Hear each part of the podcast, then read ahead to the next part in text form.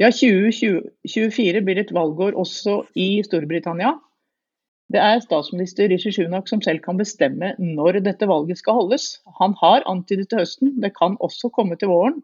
Men det ser altså ut som det går mot en lang valgkamp.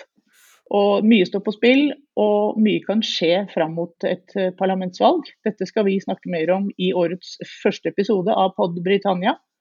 Jeg heter eh, Trine Andersen, og med meg i dag, for å gjøre oss alle litt eh, klokere, så har jeg som vanlig Erik Mustad og Øyvind Brattberg.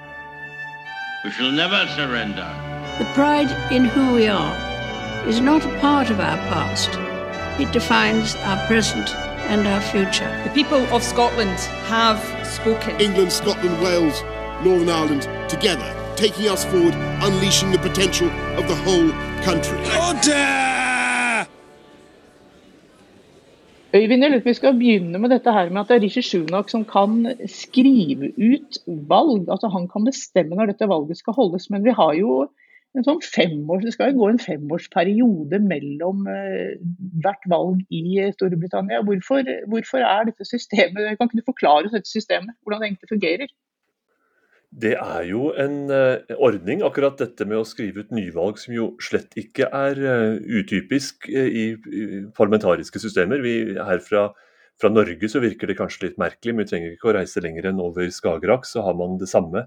I Danmark også, hvor det er statsministerens oppgave, eller staten ligger innenfor statsministerens myndighet å kunne bestemme når neste valg skal, skal finne sted. Og Det praktiseres i, i stor stil i, i det britiske systemet. og det er jo Historisk sett så er det jo um, på mange vis en, en, forlengelse av det som opprinnelig var kongemaktens beslutning om når man skal sammenkalle parlamentet. Uh, og i dag er det jo regjeringen og, og, statsministeren som representerer den utøvende myndighet som kongen historisk sett hadde. og da, da beslutter man når det skal holdes valg og når forsamlingen skal kalles sammen på, på ny.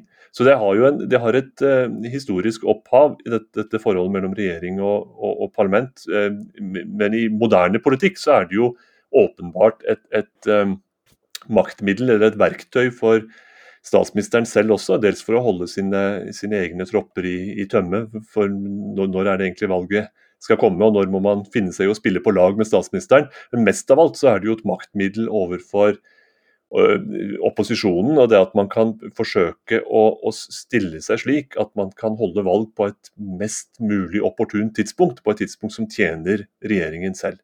Og Det er jo det eh, Sunak etter sigende vil, vil forsøke. og Spørsmålet er om han har noen mulighetsvinduer tilbake hvor han kan satse på noe opportunt. fordi det har i, Hvis man følger um, meningsmålingene og offentlig opinion, så ser det jo så gjennomført trist ut for hans parti, og har gjort det i lang tid. Sånn at de som håper på, en, på en et, et, et, løft et eller annet sted mellom nå og, og, og, og slutten av året, eh, da skal man ha en, en, eh, god taktisk finesse for å kunne se en, et sånt åpenbart løft melde seg. Men, eh, men, Sunak jakter nok på et sånt tidspunkt. og så har han jo også et argument i dette at han, han overtok jo som statsminister så, så seint som for eh, 15 måneder siden, er det vel, der omkring. Og, og, og, trenger den tiden han kan få til å faktisk ha utført noe, og til å kunne eh, si, stille et nytt kandidatur ved, ved det kommende valget. At han rent har noe å vise til, noe han har gjennomført som, som statsminister. Men i løpet av året så må det i alle fall skje. Ja, og Sunak vil kanskje også vise til historiebøkene at han sitter litt lenger enn 15 måneder. Kanskje det er litt ålreit å sitte over to år også. Vet ikke helt hvordan han tenker, men Du nevnte disse meningsmålingene, Øyvind. og De har jo det siste året vært ganske stabile, som du sier. Labour ligger nå en 18-20 prosentpoeng foran på meningsmålingene. Og Jeg så en, en, måling i Telegraph nå i, i helga som er gjort av Yougov, som har sett på hver enkelt valgkrets. og det der spår det jo et skikkelig valgskred faktisk for Labour, kanskje enda større enn det Tony Blair eh, fikk i 1997. Vi har også som sagt sett på hver valgkrets, og, og, og det, der ligger det altså an ifølge denne målingen til at elleve statsråder, bl.a. finansminister Jeremy Hunt, kan miste sitt sete. Og det er jo det er ganske dramatiske tall og dramatisk lesing for Sunak, men hvor mye skal vi legge igjen eh, i slike målinger? Jeg tror det er grunn til å, å studere altså det Mønsteret er jo tydelig fra mange målinger, og akkurat denne som du viser til, er jo, er jo svært grundig i sitt slag. Både i måten det har trillet ned i, enkelte valgkretser. Og, og det store antallet som er, er, med, og systematikken i undersøkelsen gjør at det er mulig å, å se bakenfor de samlede nasjonale tallene. og Det er jo innmari viktig i et system som det britiske, hvor det er 650 enkeltkretser som hver skal velge sin representant. og Da må man se ikke bare på styrkeforholdet mellom partiene, men også på hvor, eh, hvor de forskjellige eh, går, går, frem eller tilbake i større eller mindre grad, og hva slags konkurranseforhold partiene imellom du har i ulike kretser. Og akkurat I dette tilfellet så tror jeg det er, er kjempeviktig å legge merke til, fordi det er ganske forskjellige eh, dynamikker i sving, holdt jeg på å si, som gjør at de konservative nærmer seg fullstendig nedsmelting. De presses fra flere ulike hold. Og det er summen av alle de enkeltkonkurransene hvor de har havnet i skvis, eh, de enkelt, de, de, summen av forskjellige konkurranseforhold i hver enkelt valgkrets som gjør at man, man taper på, på, på, forskjellig vis og lekker i forskjellige retninger. Og, og summen av det blir ganske begredelig. Dette tror jeg Erik har, eh, har vel så god oversikt over som hva jeg kan mønstre. Nei, Jeg så bare litt på den målinga fra The Daily Telegraph um, som kom forrige helg, og som, som, var veldig grundig, som du sier. Det var vel 14 000 respondenter i den målingen uh, som ga Labour et uh, flertall da på linje med Tony Blairs flertall uh, i 1997. Og så vet vi at vi skal ta meningsmålinger med en klype salt. Det, det, har vel alle meningsmålinger etter brexit og de valgene som er kommet etter brexit også vist oss. Um, og Dette er jo kanskje um, det første skal vi si, rene politiske valget etter brexit som, som ikke har denne um, undertonen, eller for så vidt overtonen av brexit og bruddet med Den europeiske unionen. Så Labour ligger godt an, og, og Labour sitter rolig i båten foreløpig, som vi har snakka om før. Rett og slett fordi at holder de ut til, til valgdatoene og, og, og, ikke viser de store sprikene innad i partiet. Eh, ikke de store kontroversielle uttalelsene. Så, så, vinner Labour til slutt. og Eh, selv om det blir vår eller høst, så, så um, sier de fleste politiske kommentatorene, uh, ikke bare i forhold til denne målingen, men tidligere målinger også, at de konservative vil tape stygt. Samtidig så må vi jo bare minne om at de konservative er ekstremt gode i valgår. De er gode når det gjelder eh, parlamentsvalg. De kommer ofte tilbake igjen. Um, så 20 er, er vanskelig å fordele i forhold til mandater. Nå hadde denne målingen som, som vi har snakka om nå i The Daily Telegraph, et, eh, et, forslag på hvor mange seter de forskjellige partiene vil få av de 650 eh, setene som da speiler enkeltmannskretsene eh, i Storbritannia, som Øyvind var inne på. Og så, skylder vi oppmerksom på at England har jo helt klart de fleste setene. Eh, Skottland har færre, Nord-Irland har færre og har et eget politisk partisystem som, som, vi ikke finner i resten av Storbritannia. Og Wales har også ganske få. Så det er jo England som avgjør dette, og det er jo der de konservative står sterkt. Så hvis det, som Øyvind nevnte, de konservative kan få litt vind i seilene her i noen saker, så har altså Sunak denne muligheten til å skrive ut nyvalg hvis det blåser litt bedre økonomisk for de, og at det er noe som kan gi de en viss opptur før 25.1.2025. For da må det holdes valg, men det kommer antagelig i år. Det som er kjempeinteressant med de, det mønsteret liksom man ser på, på, fargekartet holdt jeg på å si, som springer ut av, av den, eh, den, målingen, er jo at de konservative eh, taper, eller ser ut til å tape, eh, i flere retninger og til flere konkurrerende partier. og Det gjør det hele ganske fascinerende, og det gjør det også vanskelig å meisle ut en motstrategi. Fordi Én ting er at, at de konservative eh, taper vis-à-vis -vis Labour, fordi Labour et, etter hvert mange velgere har større tillit til at, at, det, er et, at det er et høvelig styringsparti for, eh, for perioden som kommer. Og så, man, så, går man nok tilbake i oppslutning til også, at også liberaldemokratene får tilbake en del eh, kretser eller seter, spesielt i Sør-England, hvor de har en ganske sterk base og typisk har vært andre parti. altså De har vært nærmest å, å, å konkurrere ut den blå representanten fra de konservative. Nå klatrer de forbi der fordi torgene går tilstrekkelig sterkt tilbake. Og så er det i tillegg sånn at, at um, dette reformpartiet, Reform UK, som er jo et, et, et, et, slags etterslep fra gamle brexit og UKIP, et sånn høyrepopulistisk protestparti, det får jo ingen seter selv, men suger nok energi ut av, og nok støtte fra de konservative til at enten Labour eller Liberaldemokratene kan klatre forbi og bli største parti også i en del, en del kretser.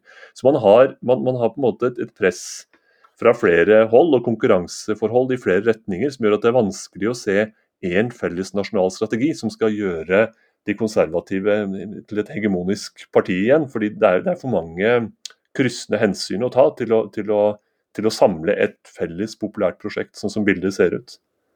Ja, Øyvind, du nevner dette reformpartiet. Det er altså, vi skal kanskje minne om hvem det var som sto i spissen da for UKIP og Brexit-partiet, men nemlig Nigel Farage. og det, det, spekuleres jo i om han nå vil komme tilbake igjen og, og kanskje ta over partiet. Hva kan det få å si? Kan det virkelig stikke, stikke, stikke kjepper i hjulene for, for Sunak, Erik? Ja, altså det som Øyvind sier er et veldig viktig poeng. fordi at da kan Høyre-velgere, hvis vi skal kalle de det, da, de på høyresida eh, splittes mellom Reformpartiet og de konservative. Så er det ikke sånn at UKIP i sin tid fikk så mange seter, de fikk snaut noen. Reformpartiet vil ikke heller få noen seter, men det kan, det kan splitte eh, velgere på høyresida, som gjør at i taktisk eh, stemmegiveri, som vi opplever i veldig mange kretser, eh, så vil da enten Liberaldemokratene eller Labour stikke av med det setet. Eh, og I og med at man har enkelt flertall i alle disse kretsene, så, så gjør da en splittelse på den ene sida eh, og uh, gjøre at uh, utslaget på den andre sida blir stort. Så, Det betyr at, at, hvis de velgerne til Høyre deler seg mellom de konservative og Reformpartiet, så vil det gagne Liberaldemokratene eller Labour. Og så har vi dette som, Hvis vi da kommer inn på denne meningsmålingen igjen fra The Daily Telegraph, så tok jo ikke den høyde for det vi kaller taktisk stemmegivring. Og, og taktisk stemning har, har, jo også noe med disse enkeltmannskretsene og enkeltflertall som gjør at, at eh, hvis man ser ser på det taktiske eh, i de forskjellige vippekretsene, altså de kretser som kan gå begge veier til det konservative partiet eller til Labour, ja, så vil kanskje flertallet eh, bli enda større eh, ut ifra den eh, meningsmålingen som, som uh, YouGov gjorde for The Daily Telegraph. Så her er det en del uh, usikkerheter selvfølgelig i forhold til meningsmålinger. og igjen uh, plassfordeling i Underhuset og prosenter og alt dette her som gjør bildet litt uoversiktlig. Men, eh, men, eh, det er ingen som tror at Reformpartiet kommer til å spille noen annen rolle enn å suge ut den energien som Øyvind var inne på fra det konservative partiet, og dermed ta en del stemmer på høyresida som vil gagne sentrum eller sentrum-venstre, altså Liberaldemokratene eller Labour.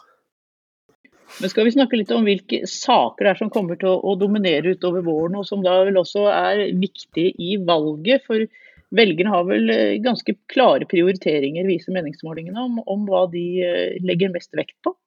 Vet ikke Øyvind eller Erik, og hvem av dere som vil si noe om det?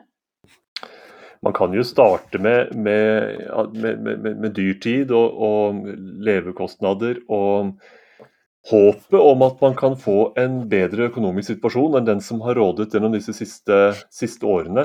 Det er jo der eh, Erik var, var, var, inne på at dette er jo for første gang på, på, lang tid så skal man holde valg uten at det er eh, brexit-undertoner og den, den, type kulturkrig og, og, og, og den type debatt som, som, dominerer.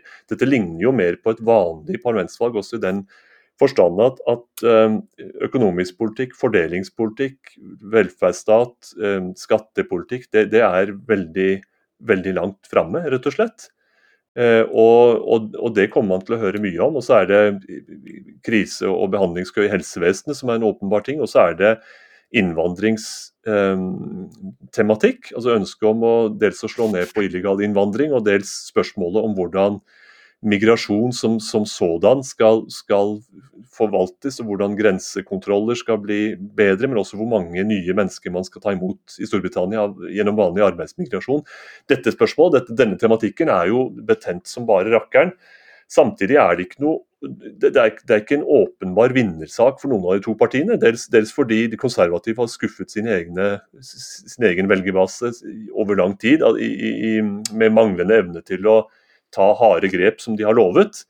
Og På Labour sin side så er det jo eh, oftest et forsøk på å ikke snakke i for dramatiske termer om dette, her, men heller si at man skal få et mer effektivt system og et, bedre, et bedre, system. Og så virker det som velgerne har, de har etter hvert begrensa tillit til de konservative. Og så ligger det vel en tanke hos mange om at da får man la andre, det andre partiet prøve eh, i stedet. Jeg tror innvandring kunne vært en, en, et veldig dominerende valgkamptema hvis det var voldsomt sterke skiller de to partiene imellom. Eh, nå kriges det mer internt i det konservative partiet enn mellom de to partiene, egentlig, sånn som det, det temaet har, har utviklet seg. Ja, og så er det jo eh, litt ironisk at brexit, som nå er fullbyrda, skulle stoppe denne voldsomme innvandringen til Storbritannia. Og så har det bare eksplodert, spesielt disse småbåtene det snakkes om. Og det er jo mangfoldige hundre tusen som er kommet med disse småbåtene. Eh, og det er nok en slitasje i den konservative regjeringen uenigheter som Øyvind er inne på, som, som, gjør at ikke de klarer å få på plass noen systemer for dette. Vi har jo systemer både i Norge i Storbritannia, så det er systemer overalt, men de fungerer jo ikke på den ønskelige måten. Og eh, Der er mye uro både i partiet og i opinionen, altså blant velgerne, når det gjelder migrasjon og innvandring. Så, så det virker som Um, Storbritannia og den britiske regjeringen sliter veldig med dette. Og så kommer jo dette Rwanda-spørsmålet inn, disse avstemningene som var på onsdag om de skal sende alle disse immigrantene til Rwanda. Um, der er uenigheter om det, og der er uenigheter om kvotesystemer, arbeidsinnvandring, flyktningepolitikk som, som, gjør at den konservative regjeringen eh, kriger mest mot seg sjøl her. Og her sitter også Labour stille i båten, og som Øyvind sier, er forsiktig med å ta for hardt i. For eh, Labour kan nå, i dette topartisystemet som vi har i Storbritannia, sitte rolig i båten og se at de konservative kriger internt, og det gagner alltid det andre partiet, og i dette tilfellet Labour. Så Innvandring kommer jo til å bli en, en eh, het potet i løpet av 2024 og, og, frem mot valget. Og så er det økonomien, og så er det dette som Da jeg, da jeg var forrige helg i, i Skottland og, og, så litt på BBC på morgenen der og ser en rolig Keir Starmer, leder for Labour, um, uttrykke en, en del Ehm, sympatier eh, også for utenrikspolitikken til den britiske regjeringen. og vi, vi, har jo sett at Storbritannia og USA har bomba Houthi-militsen i Jemen. Eh, det var det enighet om mellom Stamer og Sunak. Eh, så utenrikspolitikken pleier aldri å være et stort tema i en valgkamp. Men, eh, så innenrikspolitikken er absolutt det viktigste.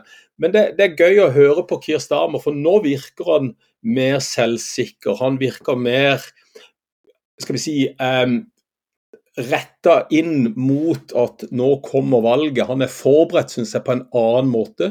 Han har en rolig og klok fremtreden i media. Han holder gode taler. Han sier de riktige tingene om arbeid, om sikkerhet og respekt for folk. Eh, ønsker å gjenreise tillit til politikere. For vi har jo sett at det har vært en større og større avstand mellom de konservative regjeringsmedlemmene, konservative regjeringen og folket generelt. Så han prøver å snakke mer direkte kanskje til, til folk, og ønsker å føre en, en, roligere politikk. Jeg tror det var The Economist som skrev om yoga politics, og at Labour ønska en, en um, quieter politics uh, hvis de da kom til makten. og Istedenfor denne gapinga og kranglinga og det som vi har kanskje opplevd som et høyt støynivå i den konservative regjeringen de siste årene. Du, Erik, du snakker om avstanden mellom eh, Westminster, altså politikerne i Westminster og, og, folket. Og Det er jo noe som da vil påvirke da hvor mange som går og, og stemmer. Hvordan, hvordan, slår slike ting ut? Altså, eh, hvor mange som, eh, altså Oppslutningen om valg. Øyvind, har vi noen sånn statistikk på det? Er det det sittende partiet som tjener på det, eller er det opposisjonspartiet?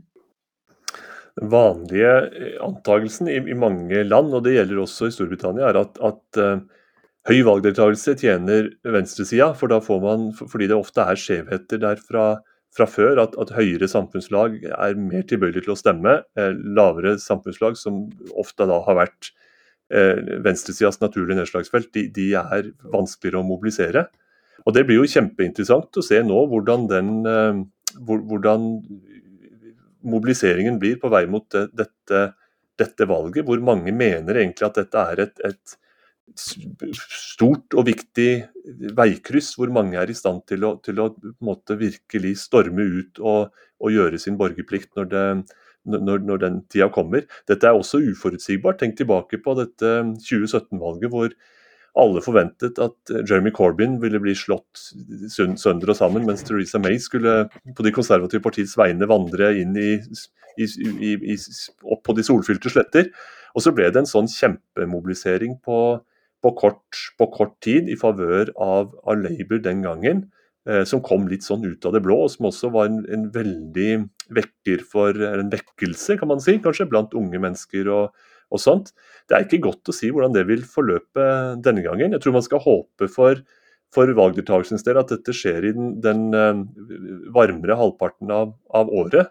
Uh, for det er det tradisjon for i Storbritannia, mai-valg spesielt, at det er noe man forbinder med, med folkelig deltakelse og ordentlig valgkamp. og man Det bankes på dører, og er, man er ute med bannere. og Når valgdagen kommer, så er det sol og folk kommer ut. Eh, og Det er langt bedre det enn en sånn senhøstes- eller vintervalg som man hadde den gangen i 2019. Ja, og det er vel derfor at uh, vi kanskje eh, kan håpe at de iallfall kommer i september, da. Sånn at, sånn at uh, alle disse frivillige fra partiene kan gå rundt og, og foreta eh, valgkampen i, på dører og banke på og ringe på og snakke med folk og alt dette som er en, en sterk britisk tradisjon. Eh, så det pleier jo å ligge på en sånn 65-60% oppslutning. og det er jo som Øyvind sier at det er vel de lave klasselagene som må mobiliseres, spesielt hvis Labour skal gjøre det veldig godt. Eh, nå så jeg i en annen meningsmåling her, som, om det var Ipsos eller hva det var for noe, som sa at 9-10% av folk som ble spurt, hadde tillit til politikere. Det er jo en, en, en skummelt lav prosentsats. Så det å bygge broer rundt forbi til, til forskjellige velgergrupper eh, fra Labour. Det er nok ingen dum strategi, det. Å prøve å vise respekt overfor de lavere klasselagene som normalt ikke deltar. Og, og, og vi vet jo at Blair klarte det i sin tid i, i, i 97 og 2001 å mobilisere en del grupper som normalt kanskje satt hjemme. Og, og, og som Øyvind sier, de ned, på nedre del av den sosiale rangstigen, de, de, vil jo stemme Labour hvis de stemmer i det hele tatt, som regel. Eh, så Derfor så, så er det nok den mobiliseringa som vi kanskje da ser fra Labours side, at det er de gruppene der som vil kunne gi Labour denne her topp i, i, forhold til de stemmene som de kanskje trenger for å få et solid flertall. Og Den røde veggen som du var inne på, Trine, i Nord-England, som Boris Johnson vant i 2019, den ser jo nå ut til i flere meningsmålinger, ikke bare den mye omtalt i The Daily Telegraph forrige helg, men det ser jo ut til at veldig mange av de setene vil gå tilbake igjen til, til Labour. da, Fordi at man ikke har sett at den konservative regjeringen har begynt på dette prosjektet som ble kalt 'leveling up', altså at det skulle ytes, ytes bistand, eh, økonomisk bistand i forhold til å skape arbeidsplasser, skape bedre velferd i disse områdene. Så der har vel velgerne kanskje mista troen på den konservative regjeringen. Et, et, interessant poeng også hvis man ser Storbritannia i internasjonalt lys. her er jo 2024 er jo et år det skal holdes valg i, i, i mange land, og med stor spenning knytta til det. og Det er jo også et forestående presidentvalg i, i, USA. Og Det må da være første gang på veldig mange år at, at det sammenfaller så tett i tid, altså det amerikanske presidentvalget og, og britenes parlamentsvalg. Eh, og Det er vel kanskje en grunn for Sunak også til å i hvert fall ta ut litt avstand i, i tid til, til, akkurat det høstens dramatiske presidentvalg i, eh, på amerikansk side. Også fordi jeg vil tro at både Sunak og Starmer ser på en måte liten gevinst i å knytte seg for tett til den amerikanske eh, giftige valgkampanjen, hvor, hvor, hvor, hvor Trump står som utfordrer til en, en Biden som, som, heller ikke er noen, sånn, noen åpenbart trumfkort av en alliert for verken Labour eller de konservative. Så hele amerikanske, det amerikanske sirkuset tror jeg kanskje de vil ha, ha interesse av å holde også på litt armlengdes avstand i dette spennende året. Erik, du sa du har nettopp vært i, i Edinburgh. og nå har vi ikke snakket så mye om det. Har snakket om det i tidligere podkaster, hvor viktig Skottland vil bli i et nytt parlamentsvalg og SMPs tilbakegang. Merka du noe, noe, der, liksom? At uh, eh, SMP nå snakket folk om at nå, nå, nå, går det dårlig for SMP? At Labour kan ta noen av disse setene deres ved neste parlamentsvalg? Eh, mitt inntrykk var at det er en avventende holdning til SNP eh, i større grad enn det det har vært før. Eh, så eh, det virker ikke som denne voldsomme entusiasmen som vi har sett de siste årene, spesielt under Nicola Sturgeon, da hun var på høyden som både førsteminister i Skottland og leder for det skotske nasjonalistpartiet. Vi, vi var ikke der i forhold til til, til begeistringen og engasjementet. Det var iallfall mitt inntrykk. Så eh, Denne målingen som vi nå har snakka om, den ga vel SMP 25 seter. og det er jo ganske langt ned i forhold til de godt over 50 som de da hadde i, eh, i Nicola Sturgeons tid. Så at eh, SMP kommer til å tape mye oppslutning i dette valget, eh, siden det er et parlamentsvalg for hele Storbritannia, og ikke et valg til det skotske parlamentet, det må vi nok regne med.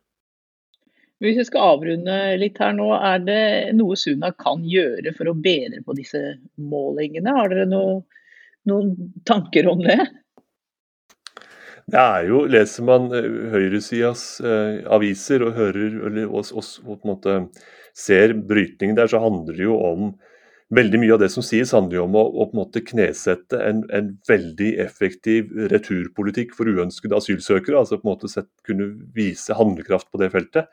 Og så dreier det seg om å gi noen, noen presanger i form av skattelettelse og, og lysere horisonter i dette varslede vårbudsjettet.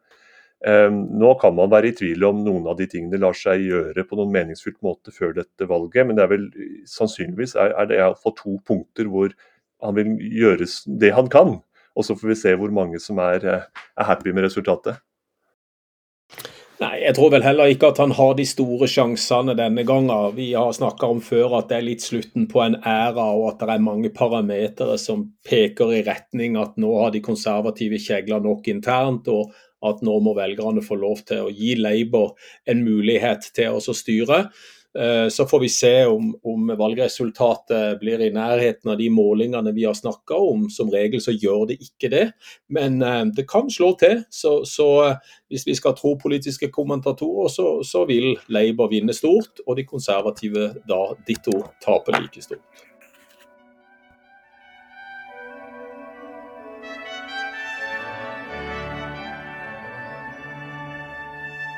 We shall never surrender. The pride in who we are is not a part of our past. It defines our present and our future. The people of Scotland have spoken. England, Scotland, Wales, Northern Ireland, together, taking us forward, unleashing the potential of the whole country. Order!